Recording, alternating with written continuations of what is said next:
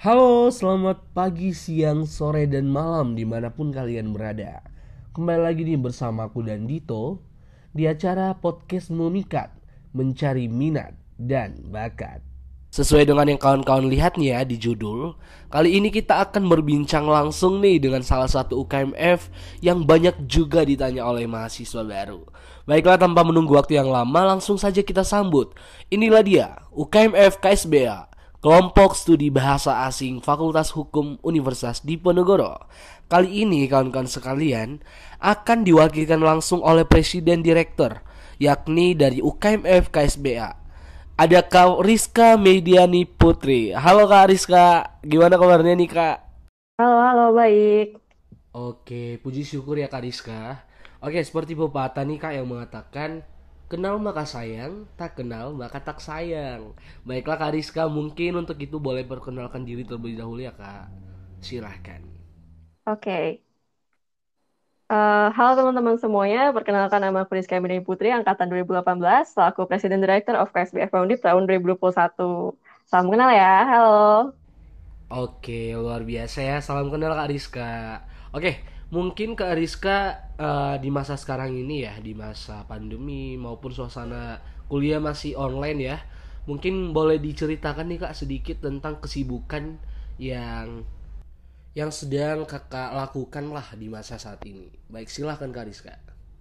Oke, kayak gimana anak semester 7 ya, kita sibuk dengan skripsi. Doain cepet lulus ya teman-teman. Wah, keren ya kawan-kawan sekalian. Ternyata Kak Rizka ini udah semester 7 nih guys. Dan udah nyusun skripsi. Kita doakan ya semoga lancar. Amin. Dan pastinya Kak Rizka tetap semangat di bidang akademik dan juga di organisasi tentunya. Baik Kak Rizka, mungkin eh, nanti kita bakalan cerita sedikit ya atau bertanya-tanya sedikit sama Kariska tentang UKMF KSBA itu sendiri. Mungkin ini sebagai pertanyaan awalan Kak yang sejatinya sangat eh, sering ditanyakan oleh mahasiswa baru tentunya. Baik, mungkin pertanyaannya seperti ini Kak.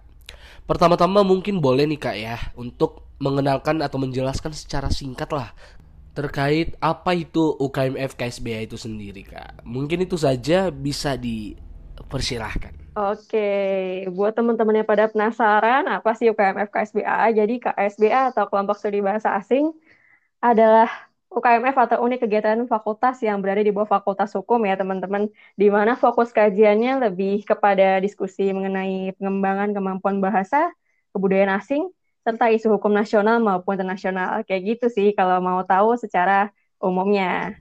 Oke, luar biasa ya kawan-kawan sekalian ya. Ini menjadi sebuah wadah yang sangat luar biasa sih menurut aku di mana kita akan tetap berdiskusi dan belajar tentang bahasa asing nih kawan-kawan sekalian.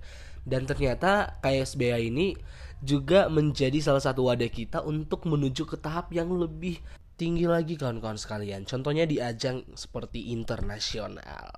Begitu.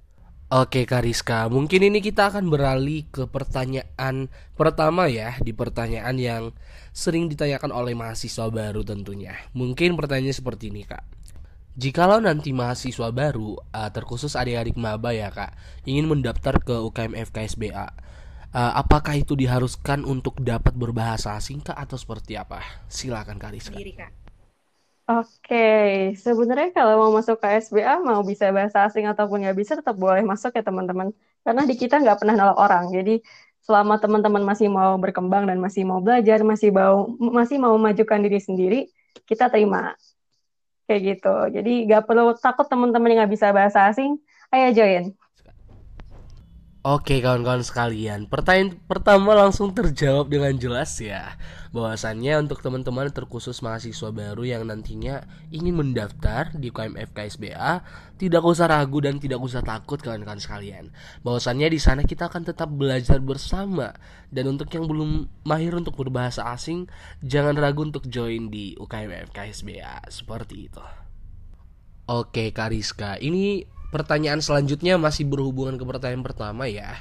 Uh, pertanyaan seperti ini. Jadi kalau sama sekali tidak bisa berbahasa asing, apakah uh, nantinya kita tetap diajari dari basic terlebih dahulu atau mungkin dari tingkat medium kali ya? Oke, mungkin itu pertanyaannya Kak silahkan Kak. Oke, sebenarnya sih eh, konsepnya kita belajar di KSB itu memang biasanya hal-hal yang masih basic ya. Karena juga eh, di kita kan semuanya masih sama-sama belajar, nggak mungkin langsung ke eh, tahap yang medium atau intermediate gitu. Jadinya kita memang semuanya dari basic dan kebetulan juga KSBA ini kan eh, bukan sebagai apa ya bahasanya ya, lembaga berbahasa gitu ya. Kita kan organisasi, jadi ya selain kita belajar bahasa, kita juga eh, kegiatan organisasi lainnya jalan karena ya balik lagi ke awal kita organisasi juga di Fakultas Hukum ya kayak yang tadi aku jelasin di awal soal gambaran umum KSBA tuh kita juga ada belajar budaya asing, budaya lokal, juga ada bahas isu-isu hukum lokal maupun internasional kayak gitu. Jadinya uh, apa ya? Pembagian waktunya juga nggak 100% buat belajar bahasa, makanya kita usahain buat kalau misalnya ada kelas bahasa itu kita um, apa ya namanya? Pasti dari yang basic-basic dulu supaya teman-teman di sini bisa pengenalan gitu soal bahasa itu sendiri. Spoiler ya, kalau buat kebudayaannya ini kita biasanya sih uh, sebenarnya kalau sebelum corona kemarin kita biasanya itu terfokus kepada budaya lokal. Jadi kita sambil studi banding sama uh, organisasi lain di kampus lain yang berfokus pada bahasa juga kita sambil uh, explore daerah itu cari apa namanya kebudayaan di sana. Tapi semenjak online, semenjak corona ini kita beralih pada kebudayaan internasional di mana kita minta tolong sama uh, teman-teman KSBA yang punya teman di luar buat bantu apa namanya menjembatani supaya kita bisa tahu nih kebudayaan tempat mereka di luar itu ada apa aja sih. Jadinya nanti uh, untuk hasilnya seperti apa sih culture trip dari penunjukan budaya-budaya asing itu ada tuh di IG KSBA kalau mau lihat di IGTV-nya gitu. Oke, kawan-kawan sekalian, terkait dengan beberapa kegiatan serta keseruan yang ada di KSBA sesuai yang dikatakan oleh Kak Rizka, boleh langsung kita cek nih di IGTV-nya KSBA. Oke, Kak Rizka, mungkin aku pengen beralih ke pertanyaan selanjutnya ya, Kak. Terkait pertanyaan yang sering ditanyakan oleh mahasiswa baru juga tentunya terkait beberapa aktivitas serta kegiatan yang ada di UKM FKSBA nih kak. Uh, di sana kita bakalan belajar bahasa apa aja sih kak? Silahkan kak Rizka. Oke, sejauh ini KSBA itu belajar terutamanya bahasa Inggris ya. Tiap tahun bahasa Inggris itu pasti ada. Kemudian untuk bahasa-bahasa pilihannya kita biasanya belajar bahasa dan budaya asing dari misalnya Jerman, Jepang, Korea, Prancis, dan Belanda gitu. Wah, kawan-kawan sekalian ternyata sangat banyak ya pilihan bahasa yang ada di UKM FKSBA. Nah, berkaitan dengan hal tersebut nih Kak Rizka, uh, adakah uh, sistem yang mengatur untuk keanggotaan setiap uh, pelatihan dari bahasa tersebut Kak atau bagaimana? Oke, uh, jadi sebenarnya sejauh ini konsep pilihan bahasa itu kita rembukan nih. Nanti kita voting dari teman-teman KSBA itu pilihan bahasa terbanyaknya apa itu biasanya yang dijadiin uh, kelas-kelas bahasa asing yang teman-teman sekalian mungkin pernah hadirin terus juga uh, untuk pembelajaran bahasa asing lainnya sama sistemnya sistemnya voting juga tapi ini lebih ke arah diskusi internal. Jadi kalau misalnya kelas-kelas itu kita biasanya undang mentor dari luar undang tutor dari luar tapi kalau misalnya untuk diskusi bahasa ini kita dari internal. Karena biasanya dari KSB itu sendiri ada beberapa anggota yang emang udah punya basic bahasa asingnya jadi misalnya nanti ada teman-teman dari KSBA yang jago bahasa Jepang, Jerman, atau Prancis, nanti mereka yang bakalan mimpin diskusinya atau mimpin um, kelasnya mungkin ya, buat uh, bantu ngenalin teman-temannya ke dasar dari bahasa itu sendiri, kayak gitu. Oke, kawan-kawan sekalian, berkaitan dengan poin awal nih Kak ya yang kita diskusikan tadi bahwasannya saat kita mengikuti UKM FKSBA itu kita akan mengenali beberapa budaya, hukum dan juga bahasa asing juga ya Kak, seperti halnya Jerman, Jepang dan lain sebagainya. Betul begitu Kak Rizka? Betul, ya selain kita bekal di masa depan ya itu juga memperluas cakrawala kita kan. Barangkali di sini teman-teman ada yang mungkin uh, belum punya kesempatan untuk uh, mengunjungi negaranya langsung, mungkin kita bisa sama-sama belajar bareng nih kalau misalnya ada um, kelas yang dibuka budaya apa yang dikepoin kayak gitu-gitu. Oke Kak Rizka, kalau boleh tahu nih Kak, untuk beberapa kelas itu apakah terbuka untuk umum Kak atau seperti apa? Silakan Kak. Kalau kelas yang benar-benar kelas sistemnya yang kita undang tutor dari luar KSB atau dari luar Undip, dari luar EVA, itu memang terbuka untuk umum sejak tahun kemarin ya. Eh, sejak tahun ini kita udah buka buat umum karena sebelumnya biasanya kita lebih fokus ke anak-anak fakultas hukum sendiri kayak gitu. Oke, kawan-kawan sekalian, sangat menarik ya. Ternyata UKMF KSBA itu tidak hanya bergerak uh, di bidang internal nih, tetapi tetap bergerak ke ranah umum atau eksternal. Luar biasa. Oke, Kak Rizka, ini tadi kita udah sangat banyak ya berbincang mengenai UKMF KSBA. Mungkin aku pengen lanjut ke pertanyaan ketiga uh, tentang departemen apa sih Kak yang ada di UKMF KSBA? Silahkan boleh dijelaskan sedikit Kak. Oke, aku bisa bantu jelasin sedikit ya teman-teman. Jadi di KSB itu ada lima departemen. Yang pertama ada Foreign Language Department, itu dia atau uh, departemen bahasa asing. Fokusnya kayak namanya ya teman-teman, dia berfokus kepada penyelenggaraan kelas-kelas atau diskusi bahasa asing. Sejauh ini, khususnya di tahun ini kita uh, untuk departemen ini sudah menyelenggarakan beberapa proker ya. Yang pertama ada English class, Uh, habis itu ada EPT Training and Test, habis itu ada Dutch Class yang baru banget kelar hari ini.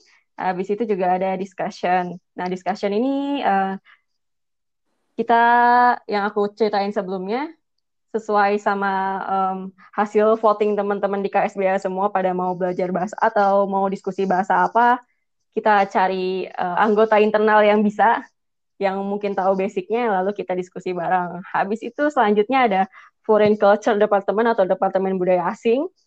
Um, di sini dia punya tiga program kerja ya, ada Culture Trip yang aku udah spoilerin di awal tadi, habis itu ada webinar kebudayaan, lalu ada bedah buku sastra. Sebenarnya departemen yang satu ini teman-teman dia baru sejak tahun lalu kayak gitu. Jadinya dulu itu sebenarnya um, FLD atau Foreign Language Department sama FCD atau Foreign Culture Department dia itu satu departemen yang sama di bawah nama bahasa dan budaya kayak gitu. Jadi ini baru banget pemecahannya sejak tahun lalu, makanya proker-prokernya fresh. Dan mungkin uh, teman-teman di Fakultas Hukum sendiri agak asing ya sama proker-proker KSBI yang dibawahi departemen ini karena baru kayak gitu. Um, habis itu ada Research and Development Department. Ini dia kayak namanya teman-teman ya, dia itu lebih ke arah membawahi proker-proker yang terkait dengan isu-isu hukum kayak gitu. Jadi untuk departemen ini dia menyelenggarakan webinar hukum ya terutamanya dan webinar-webinar lain yang membahas dengan yang membahas tentang isu-isu yang ada di masyarakat. Lalu juga uh, departemen ini bertanggung jawab buat menyelenggarakan program kerja yang berkaitan dengan soft skill-nya anggota KSBA, terutama di bidang MC ya teman-teman. Jadi uh, kita ini berusaha untuk menghemat sumber daya. Um, kalau misalnya kita sendiri bisa untuk menjadi MC kenapa kita harus undang orang dari luar gitu teman-teman. Jadi akhirnya kita memutuskan untuk mengadakan proker ini sehingga kalau ada proker-proker KSBA yang memerlukan MC, kita pakainya anggota KSBA sendiri kayak gitu teman-teman. Um, habis itu juga dia menyelenggarakan program kerja yang namanya Kalori atau KSBA Online Diary. Jadi di sini um, kalau teman-teman suka mantau IG KSBA dan ada posting-posting uh, terkait fakta-fakta budaya, bahasa atau fakta-fakta atau isu-isu hukum itu um, dibawahi dibawahi sama departemen ini. Jadi uh, departemen ini sebagai um, apa ya pemegang utama dari proker ini bekerja sama sama departemen yang tadi aku udah sebutin FLD sama FCD buat mengelola um, mading uh, online-nya KSBA kayak gitu teman-teman. Dan uh, kalori ini bakal ada pembukuannya nanti ditunggu aja ya. Oke, berikutnya ada Public Relation and Media Department. Di sini departemen yang berurusan atau menjembatani KSBA dengan UKMF atau organisasi lain. Dia um, juga mengelola sosial media KSBA, di mana proker-prokernya selain mengelola sosial media KSBA atau um, mengelola hubungan KSBA dengan eksternal, yakni dia juga menyelenggarakan media class kayak gitu. Dan untuk hubungan KSBA dengan internal atau eksternal sendiri, dia itu menyelenggarakan studi banding internal. Yang internal ini maksudnya kita um, apa ya namanya? Kita studi bandingnya ke UKMF yang fokusnya bahasa, tapi di lingkungan Undip. Terus kalau misalnya studi banding eksternal, kita di luar Undip, di kampus-kampus lain atau di uh, organisasi-organisasi lain yang bukan organisasi kampus yang juga berfokus pada bahasa asing. Tapi kebanyakan ya teman-teman um, organisasi bahasa asing itu dia lebih terfokus kepada bahasa Inggris. Jadi sejauh ini kita lebih sering ketemu sama teman-teman organisasi lain yang um, lebih Inggrisnya lebih ditonjolin atau emang dia cuma Inggris aja kayak gitu. Jadi agak susah sih buat nemuin organisasi yang fokusnya banyak bahasa kayak gitu. Um, juga uh, eh, PRM ini departemen yang biasanya uh, ngewakilin KSBA buat hadir di UKM Show atau UKM Expo kayak gitu teman-teman. Habis itu ada HRD atau Human Research Development Department. Dia prokernya atau mungkin di sama teman-teman lebih akrab kalau disebut sebagai PSDM ya. Jadi dia itu menyelenggarakan pendidikan dasar atau pendas yang buat um, apa ya bahasanya menyambut dan memberikan uh, apa ya bahasanya um, pegangan dasar ya buat teman-teman yang pada daftar KSBA supaya bisa jadi anggota KSBA gitu dikasih uh, pemahaman basic soal KSBA itu kayak gimana sih atau prokernya ada apa aja sih kayak gitu. Habis itu juga ada apa departemen ini mengadakan rapat kerja dan rapat besar. Rapat besar ini biasanya kita terfokus pada pembahasan terkait proker-proker besar KSBA kayak gitu. Sementara untuk rapat kerja kita menyelenggarakannya dua kali dalam satu tahun ya di uh, semester genap dan semester ganjil kayak gitu teman-teman. Habis itu mereka juga tahun ini nih baru banget mengadakan podcast yang isinya ya tema-tema yang berkaitan biasanya lebih ke arah kampus life sih, kayak misalnya kehidupan berorganisasi, kayak gitu-gitu. Habis itu juga dia menyelenggarakan suksesi, yaitu apa ya bahasanya kalau di teman-teman sekalian, um, penggantian kepengurusan. Jadi untuk departemen ini dia yang menghandle pergantian kepengurusan KSB setiap tahun, kayak gitu. Lalu terkait broker besar tadi nih yang udah di spoilerin, yang bakalan didiskusiin tiap ada rapat besar, jadi KSBA itu punya satu proker besar ya teman-teman namanya KSBA Square.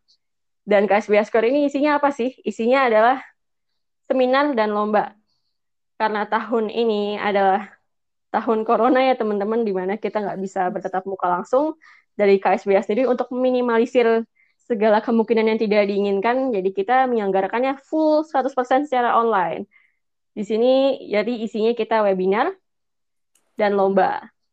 Dan ini udah diselenggarain teman-teman tanggal 2 Oktober kemarin. Eh, 3 Oktober, sorry. Kayak gitu. Um, sejauh ini itu aja sih kayaknya yang bakal bisa aku jelasin soal proker-prokernya. Wah, luar biasa ya kawan-kawan sekalian. Ternyata ada banyak departemen nih di UKMF KSBA. Kalau tidak salah ada sekitar 5 departemen ya kak. Yang pertama ada fokusnya ke dalam bahasa, ada fokusnya ke dalam media dan lain sebagainya. Nah, untuk adik-adik maba udah bisa nih langsung dilirik ya. Kira-kira lebih berminat di departemen mana nih yang dijelaskan oleh Kak Rizka? Oke, Kak Rizka, sekarang kita akan masuk ke dalam pertanyaan terakhir nih Kak di sesi podcast pada hari ini. Tidak terasa kita udah sampai di pertanyaan terakhir nih Kak Rizka dan kawan-kawan sekalian. Yakni pertanyaannya Kak tentang kesan dan pesan dari Kak Rizka selama mengikuti UKMF KSBA. Silakan kak. Oh, dari aku sih ini mungkin sepintas kata-kata aja. Sebenarnya tuh jadi bagian dari keluarga besar KSBA berarti tiap individu ya kita ini punya kesempatan buat mendapatkan pengalaman berorganisasi yang asik sih kalau menurut aku. Juga kita bisa sambil belajar bahasa asing, budaya asing, terus juga isu-isu hukum. Terus kita juga um, dapat banyak relasi, punya teman-teman yang seru-seru dan satu minat ya yang pasti. Tapi walaupun kayak gitu ya teman-teman, bukan berarti kita um, apa namanya melupakan budaya asal kita ya, karena kan uh, kita nih KSBA kayaknya kesannya ih asing-asing aja nih kok asing semua? Sampai ke nama-namanya aja bahasa asing, kelompok studi bahasa asing. Sebenarnya nggak gitu ya teman-teman, kita nggak bisa melupakan budaya asal kita, karena masih terdapat kegiatan yang bertujuan untuk melihat lebih dekat kepada budaya lokal itu sendiri, kayak aku jelasin sebelumnya, yang sempat aku sebutin, ada proker terkait webinar kebudayaan, terus juga culture trip yang mungkin masih bisa um, culture trip secara budaya lokal kayak gitu. Nggak cuma yang budaya internasional aja. Um, habis itu juga uh, terkait manfaat yang didapetin selama join KSBA ya itu kembali kepada tindakan kita masing-masing sih. Kayak misalnya kalau misalnya kita cuma apa namanya ikut-ikutan temen join-join aja terus nanti pas ada kegiatan hilang-hilangan ya yang kita dapat apa gitu kan nggak ada yang kita dapat. Jadi balik lagi kepada tindakan kita kita aktif nggak kita punya inisiatif nggak kita punya kesadaran diri nggak kalau kita adalah bagian dari organisasi tersebut dan um, tujuan kita untuk gabung ke organisasi itu adalah untuk uh, mendapatkan um, apa bahasanya bisa belajar bahasa asing terus juga bisa berorganisasi dengan baik gitu sama teman-teman yang satu minat. Kalau misalnya kita nggak punya tindakan sendiri, ya ilmunya nggak akan datang. Jadi teman-teman kalau misalnya um, ini untuk ini berlaku buat semua organisasi ya. Kalau teman-teman mau dapetin manfaat dari organisasi yang teman-teman datengin, yang teman-teman join, yang teman-teman masukin, ya teman-teman harus sadar diri untuk untuk terus aktif gitu, untuk terus berpartisipasi. Kayak gitu ya teman-teman. Ilmu nggak akan datang sendiri, jadi kita harus nyamperin. Kalau dari aku itu, thank you. Wah, tidak terasa nih Kak Rizka, kita udah sampai di penutup podcast pada hari ini. Mungkin untuk itu kami persilakan untuk Kak Rizka terlebih dahulu menyampaikan closing statement atau ajakan untuk maba agar join di UKMF KSBA. Dipersilakan. Oke, okay. kalau dari aku sih KSBA itu lebih ke arah um, kekeluargaan ya. Jadi kita uh, santai aja saling mengenal satu sama lain terus juga kita bisa uh, saling bantu membantu kasih masukan kasih saran. Jadi teman-teman yang pengen gabung cuma masih ragu atau takut karena uh, mungkin masih kurang mendalami bahasa asing yang diminati atau malah um, mungkin nggak ada basic sama sekali untuk bahasa asing yang diminati nggak usah takut teman-teman. Karena selagi kita bisa kita akan mencoba untuk mempelajarinya bareng-bareng nanti bisa banget uh, ngasih saran ke departemen yang tadi aku kasih tahu ya, FLD atau Foreign Language Department buat ngadain bahasa asing yang teman-teman pengen kayak gitu. Atau mungkin nanti kalau misalnya bahasa asing yang dipengenin itu banyak nih pesertanya, bisa banget nanti kita bisa uh, bikin semacam kelompok-kelompok diskusi yang lebih kecil lagi. Okay, Jadi teman-teman yang mungkin masih mau tanya-tanya kepo atau malah pengen daftar, bisa langsung banget hubungin KSBA di Instagramnya yaitu Foundip. Thank you. Oke, kawan-kawan sekalian, tidak terasa nih, kita udah sampai di penghujung podcast pada hari ini. Kami ucapkan terima kasih yang sangat luar biasa untuk Kariska yang telah bersedia untuk hadir kami undang di podcast pada kali ini. Tidak lupa juga terima kasih yang luar biasa bagi teman-teman sekalian yang tetap setia untuk mendengarkan podcast dari Mika Foundip 2021. Kalimat terakhir yang ingin aku sampaikan untuk kawan-kawan sekalian, jangan takut untuk memulai ya. Di sini kita untuk belajar bersama-sama. Mungkin itu saja saya dan Dito Yonatan Manurung.